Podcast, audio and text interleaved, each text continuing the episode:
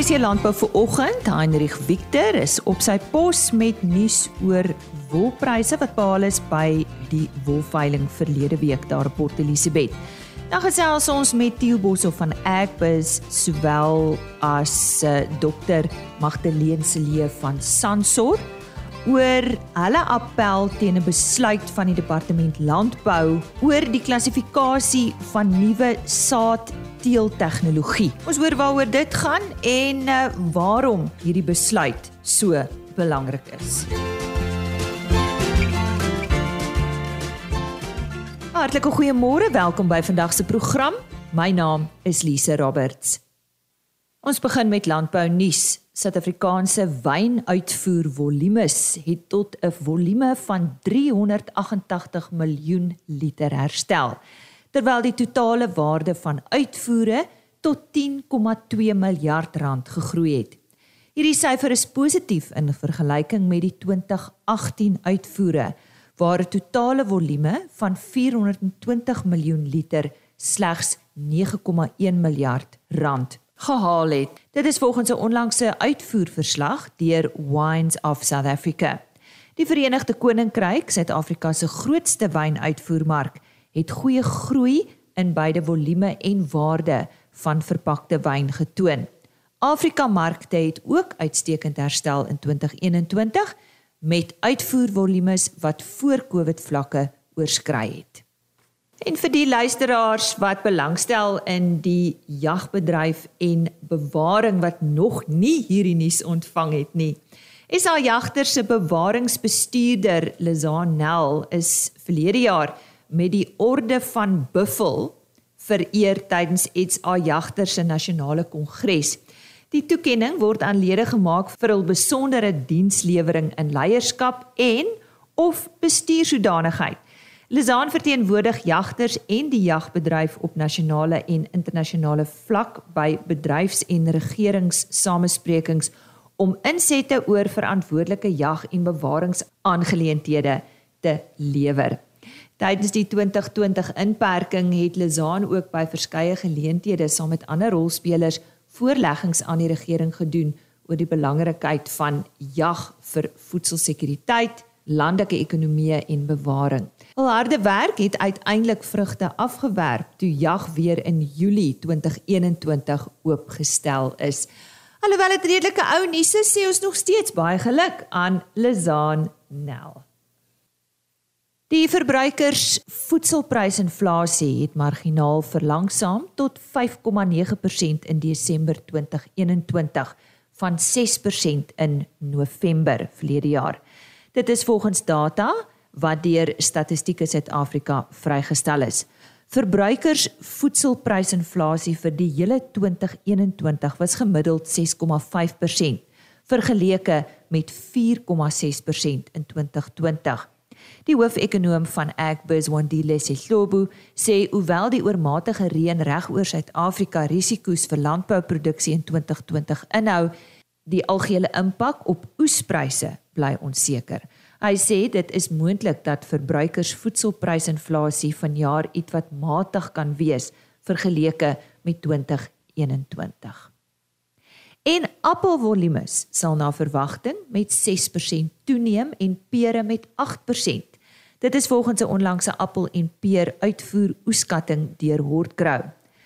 Appelkultivars soos Pink Lady en Crips Red sal na verwagting aansienlik toeneem, onderskeidelik met 29%. Dit is as gevolg van nuwer kultivarstamme met beter opbrengste en uitpaksels wat die afgelope jare geplant is.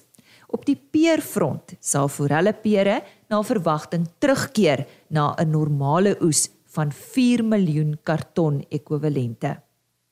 En 'n verslag deur die Suid-Afrikaanse taakmag teen geldwasery oor die finansiële vloei wat met onwettige wildhandel in Suid-Afrika verband hou, toon aansienlike vordering met die blootlegging van hoe kriminele syndikaate finansiële stelsels gebruik om te funksioneer.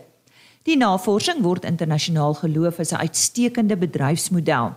Die beperkte aandag en hulpbronne wat tot dusver aan ondersoeke na die finansiële sy van onwettige wildhandel bestee is, beteken dat die meeste vervolgings gemik was op oortredings so stropery of die besit van wildprodukte. Die gevolg is dat die groter rolspelers in hierdie hoogs georganiseerde transnasionale misdaadsyndikaate vervolging bly vryspring. Daar word gehoop dat die nuwe kennis, doeltreffende koördinering tussen finansiële instellings en wetstoepassers en die identifisering van rooi ligte sal bydra tot 'n toename in wildverwante vervolgings van geldwasery en dit is volgens Investec. En dis dan vir eers die nuus. Volgende is Heinrich Victor met ons wolmarkverslag. Ja, ons sê vir julle hartlike goeiemôre uit die OFK wolkantoor waar ons weer so 'n bietjie wolsake gesels.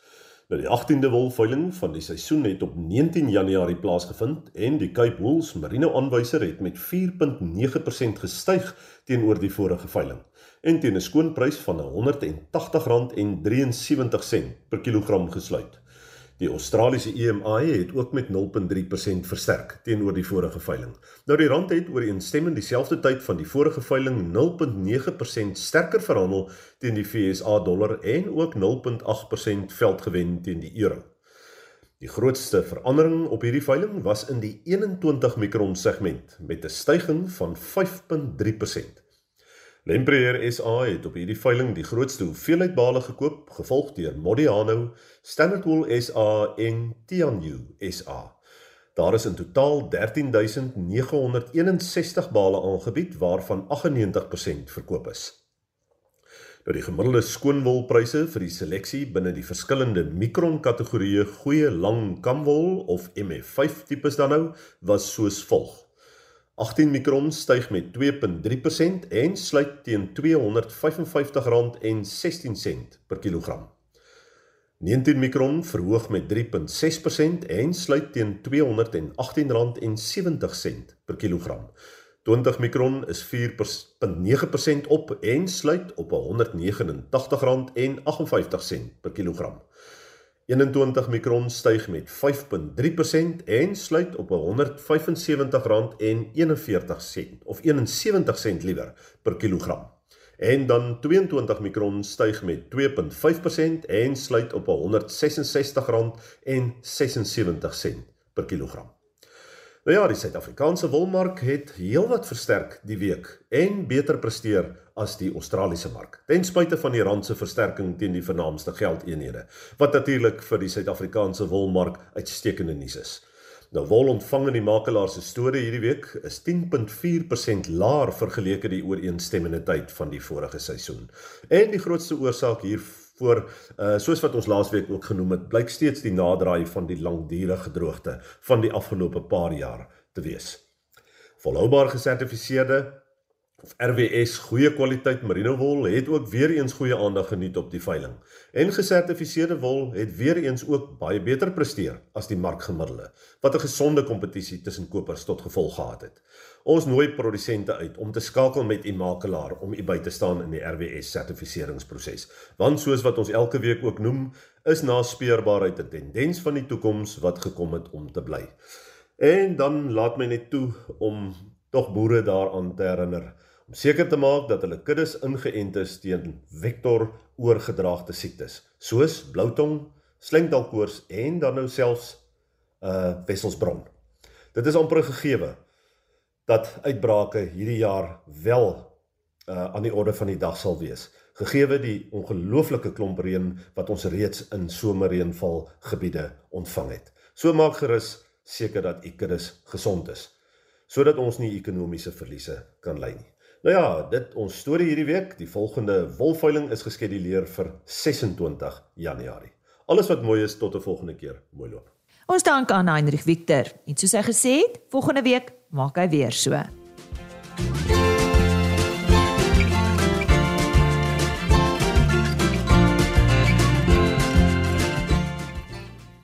Bus Sansor en CropLife Suid-Afrika het verlede week in 'n gesamentlike verklaring aangekondig dat hulle appeleer teen 'n besluit wat gemaak is deur die Nasionale Departement van Landbou, Grondhervorming en Landelike Ontwikkeling.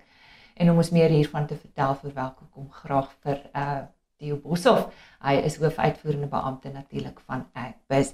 Theo, ja, waaroor gaan hierdie appel? Ja, nee, dankie vir die geleentheid ook. Ehm um, so die appel, daar was 'n besluit geneem deur die die GMO Raad en en die agtergrond daarvoor is is die die plantteelingsinnovasies wat nie internasionaal gereguleer word as GMO's nie. Ehm um, daar was 'n bietjie van 'n grys area in terme van die wet of dit nou onderhewig moet wees aan die aan die prosesse om mm. vir jy weet onder die GMO wet. Wat redelik aansienlik is, daar's natuurlik baie kostes daarbey ehm um, betrokke, jy weet in 'n lang proses om 'n produk geregistreer te kry as as 'n GMO in Suid-Afrika. Nou as dit buitelands nie so jy weet gereguleer word nie, ehm um, was daar die risiko dat moontlik in Suid-Afrika of dat jy weet gereguleer word of nie. So ons het toe jy weet as Agbus ehm um, jy weet saam saam met spesifieke bedryf soos Crop Crop Life in Sanso gewerk. Jy weet in vir die vir die raad gevra, jy weet vir amptelike beslissing nou om te sê is hierdie nuwe jy weet plantteeling innovasies val dit onder die GMO wet? Moet dit onderhewig wees na prosesse ja of nie? Hmm. So die jy weet in Oktober laas jaar het die die raad teruggekom en gesê ja, jy weet dit val dan onder die GMO wet, so dit moet as 'n GMO gehanteer word. Nou die implikasies daarvan is natuurlik redelik wyd. So ons het nou aanvanklik net 'n interne appel, jy weet, na die minister van jy weet van landbou ehm um, gerig om om te vra om asseblief, jy weet, na jy weet hierdie besluit te sien, moet na die impak te kyk, moet kyk of of dit noodwendig, jy weet, die geval is dat dit onder die wet moet val of nie mm. en wat die implikasies daarvan sal wees. Die wat is plantteelingsinnovasie en hoe verskil dit van hierdie GMO's? So my verstaan daarvan en ek is nou nie 'n wetenskaplike nie, so ek weet vra vir verskoning as ek jy weet as ek dit nou nie 100% kan verduidelik nie. Maar eintlik jy weet dit is iets wat nie natuurlik ehm um, jy weet in natuur voorkom nie, maar daar is in die oorplanting van jy weet 'n van 'n gene van een ehm um, spesies na die ander spesies nie. So daar is nie daai jy weet ehm um, daai oorplanting wat plaasvind nie, maar dit is verskillende tegnieke jy weet hoe jy weet hoe verskillende plante geteel word om amper die natuurlike proses te bespoedig. Mm.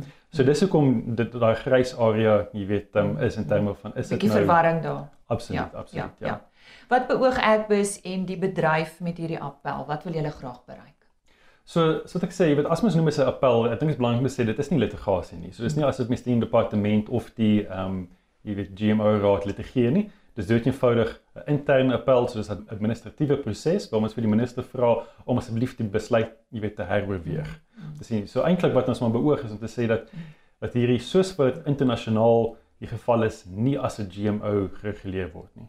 En hoe lank hulle het hulle nou om hierdie besluit te neem? Wat wanneer kry hulle uitsluitsel? So dit is nou in ehm um, November ingedien. Dis 'n relatiewe vinnige proses. Ek glo 60 dae, jy weet, jy weet vir die vir die antwoord. Mm. Maar dan gaan daar nog 'n lang proses wees na die tyd. In terme van jy weet volgens die wet moet die minister dan 'n appelraad saamstel. Jy weet enige partye moet natuurlik argumente kan maak. Mm. En weens dis nie 'n wetlike proses nie, maar tot 'n mate mm. is dit moet nog steeds 'n 'n billike regverdige proses wees, jy weet met 'n onpartydige paneel wat wat dan mm. die argumente hoor en besluit. Nou wat sal nou gebeur indien die besluit staan en die appel nie suksesvol is nie? Uh wat sal die impak daarvan wees op die bedryf? Ja, so die, die kort antwoord is dan sal al hierdie, jy weet, ehm um, in innovasies onderhewig word aan die prosesse van die GMO wet. Die lang antwoord is natuurlik nou die impak daarvan wat mm. wat geweldig groot is. Dit is baie addisionele kostes. Dit vat ehm um, gewoonlik dit kan tot by 2 jaar vat om 'n produk goed te keer onder die GMO wet as 'n deel al die prosesse daai toetse moet gaan en goedkeuring kry. En die indirekte impak daarvan, so die, die direkte impak natuurlik op die saadmaatskappye is is ek dink baie duidelik. Jy weet dit is natuurlik die opportunity cost wat ehm um, wat verlore gaan. Maar vir die breër jy weet landbou landbou besigheidsbedryf en dit is hoekom ek bes baie jy weet ehm um, betrokke was met die appel is dit is 'n risiko vir ons mededingendheid want ons het dan nie toegang na al die jongste tegnologie wat byvoorbeeld van lande in Brasilië en soos Argentinië wat dit nie as as GMO's reguleer nie. Hmm. Daar's of hy ons het dan nou nie um toegang het tot dieselfde, jy weet, tegnologie wat hulle het nie. Hmm. Vir die maatskappye self ook, jy weet, die kommersiële kant daarvan wat belangrik is, is baie van die goed word internasionaal bemark en dit is nie produkte wat in Suid-Afrika ontwikkel word nie, dit word internasionaal ontwikkel, maar dit word natuurlik hier verkoop is dit word as non-GMO oorsee verkoop en bemark, maar dan is dit Afrika se onderhewig aan die GMO wet. So mense sal dit dan nie kan as So dis 'n hele proses wat gevolg moet word, gaan moet word om daarbey uit te kom. So dit gaan net soveel langer neem. Absoluut. Jy weet mm. en en al vat dit langer en al kry mense dan die toestemming en dit word goedgekeur so mense die produk kan vrystel in Suid-Afrika. Mm. Die bemarkingskant daarvan is dan is dit tegniese GMO in Suid-Afrika waar dieselfde produk in die res van die wêreld nie uit GMO is nie. Ja. So die impak daarvan met jou bemarking, jy weet 'n uh, is is natuurlik redelik groot ook. Ja, klink vir my asof dit bloot net nie sal sin maak nie. Dio baie dankie vir uh, julle insette hierop. Ons gesels natuurlik nie net met julle nie, maar ook met Sansor oor hierdie aspek. Ehm um, en uh, tot 'n volgende keer baie dankie. Ja, dankie. So sê Dio Boshoff, hoofuitvoerende beampte van Agbus. En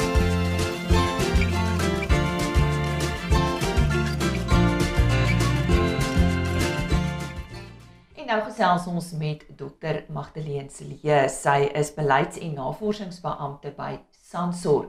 Nou vir die wat nie weet nie, Sansor staan vir the South African National Seed Organisation. Magdalene, ons het dalk eh, jou kundigheid ook hier nodig oor hierdie saak uh, wat jy aanhangig gemaak het. Hoe affekteer die besluit wat geneem is die saadbedryf en affekteer dit net die saadbedryf? Baie ja, baie dankie vir die geleentheid en laat ek ook hierdie vanoggend met julle kan bespreek.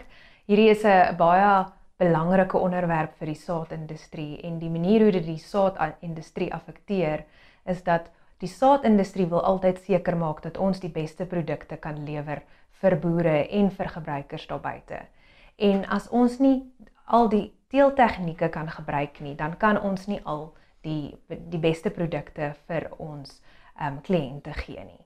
Maar dit affekteer nie net die saadbedryf nie, dit kan baie verder teruggevat word want dit gaan dadelik terug na die boere toe wat nie die regte genetika sal hê wat kan bydra tot die uh, uh, klimaatsverandering en siekte toestande wat daar tans in die landboubedryf gesien word nie.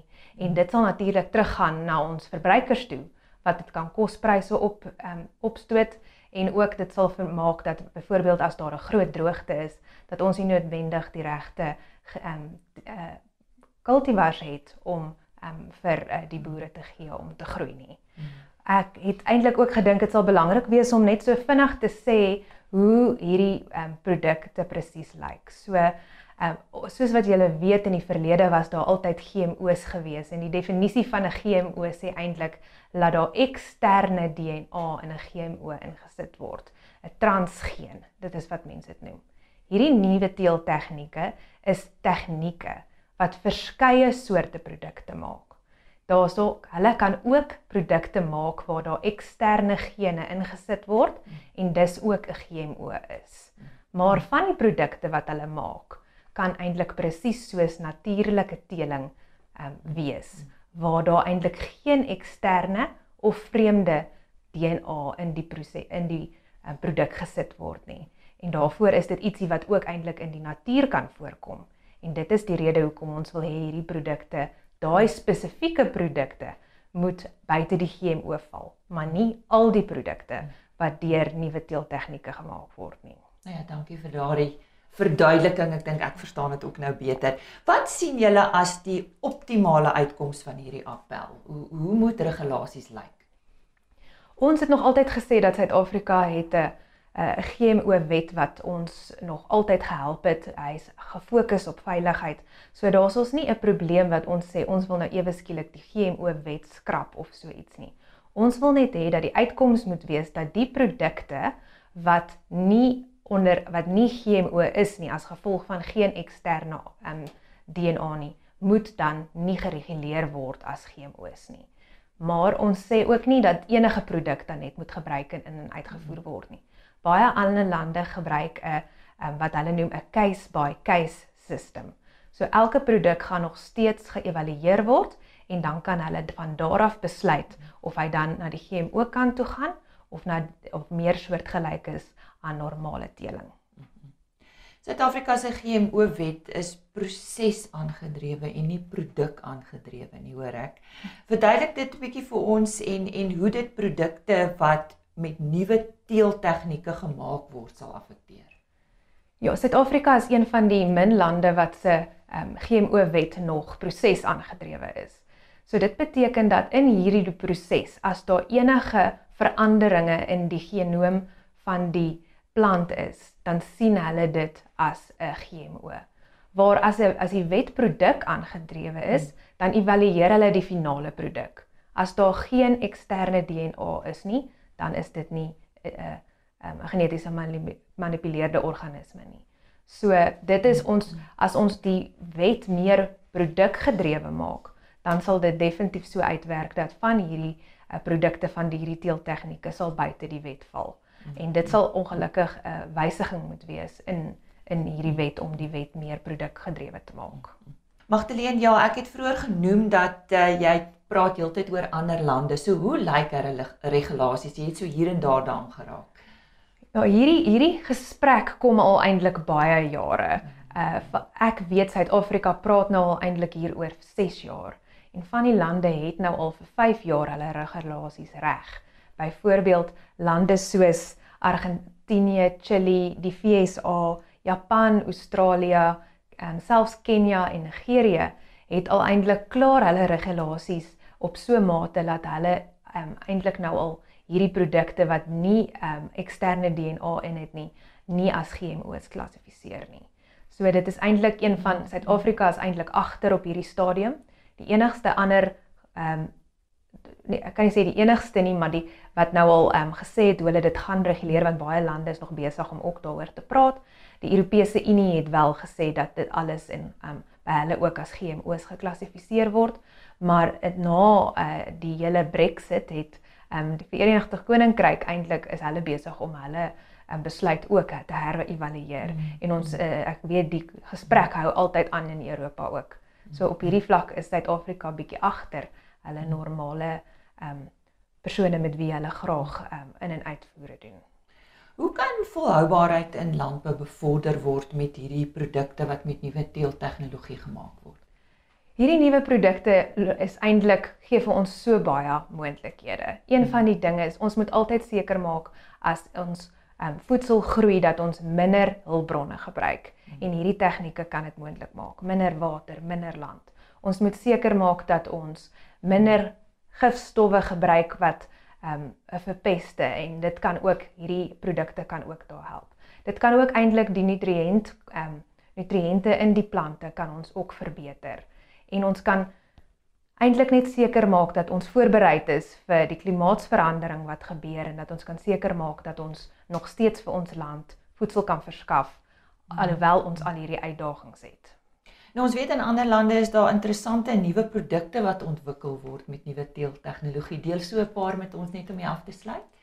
Ja, so daar sou is nou nog nie baie van hierdie produkte op die mark nie. In Japan is daar spesifieke ehm, 'n um, tamatie op die mark wat meer antioksidante verskaf en um, uh, wat nou hy dit lyk dis presies dieselfde tamatie. Hy het net meer van daai nutriënte by.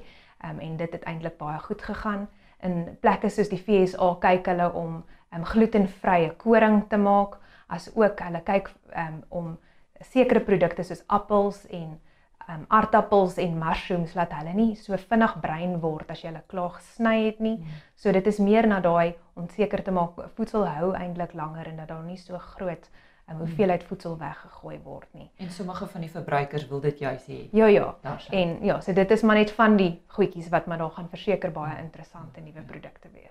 Magdalene, baie dankie vir jou tyd vanoggend vir ons bietjie meer lig op hierdie onderwerp gewerp het. Baie dankie. Dankie. Hoor. Dankie.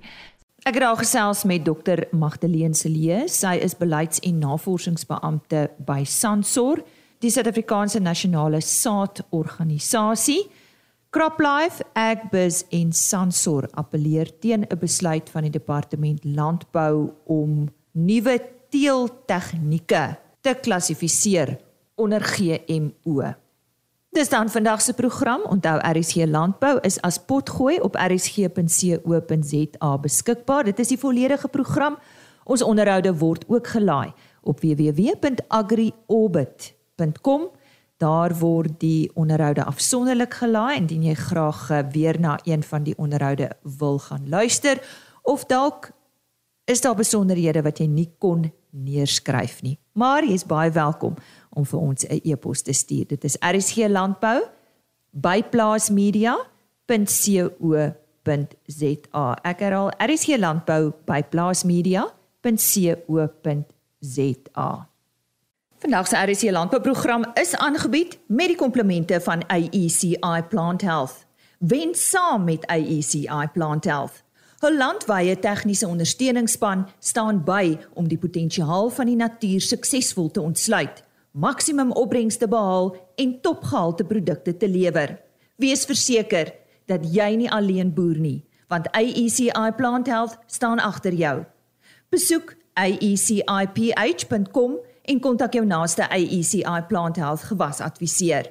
AECI Plant Health ontsluit die natuur se potensiaal vir volhoubare landbou in Suid-Afrika vir 'n beter wêreld.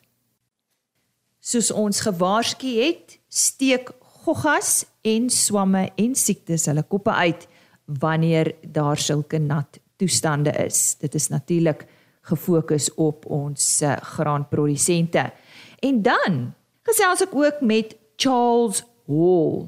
Hy is uh, voorsitter van die Noord-Kaap Jagtersvereniging.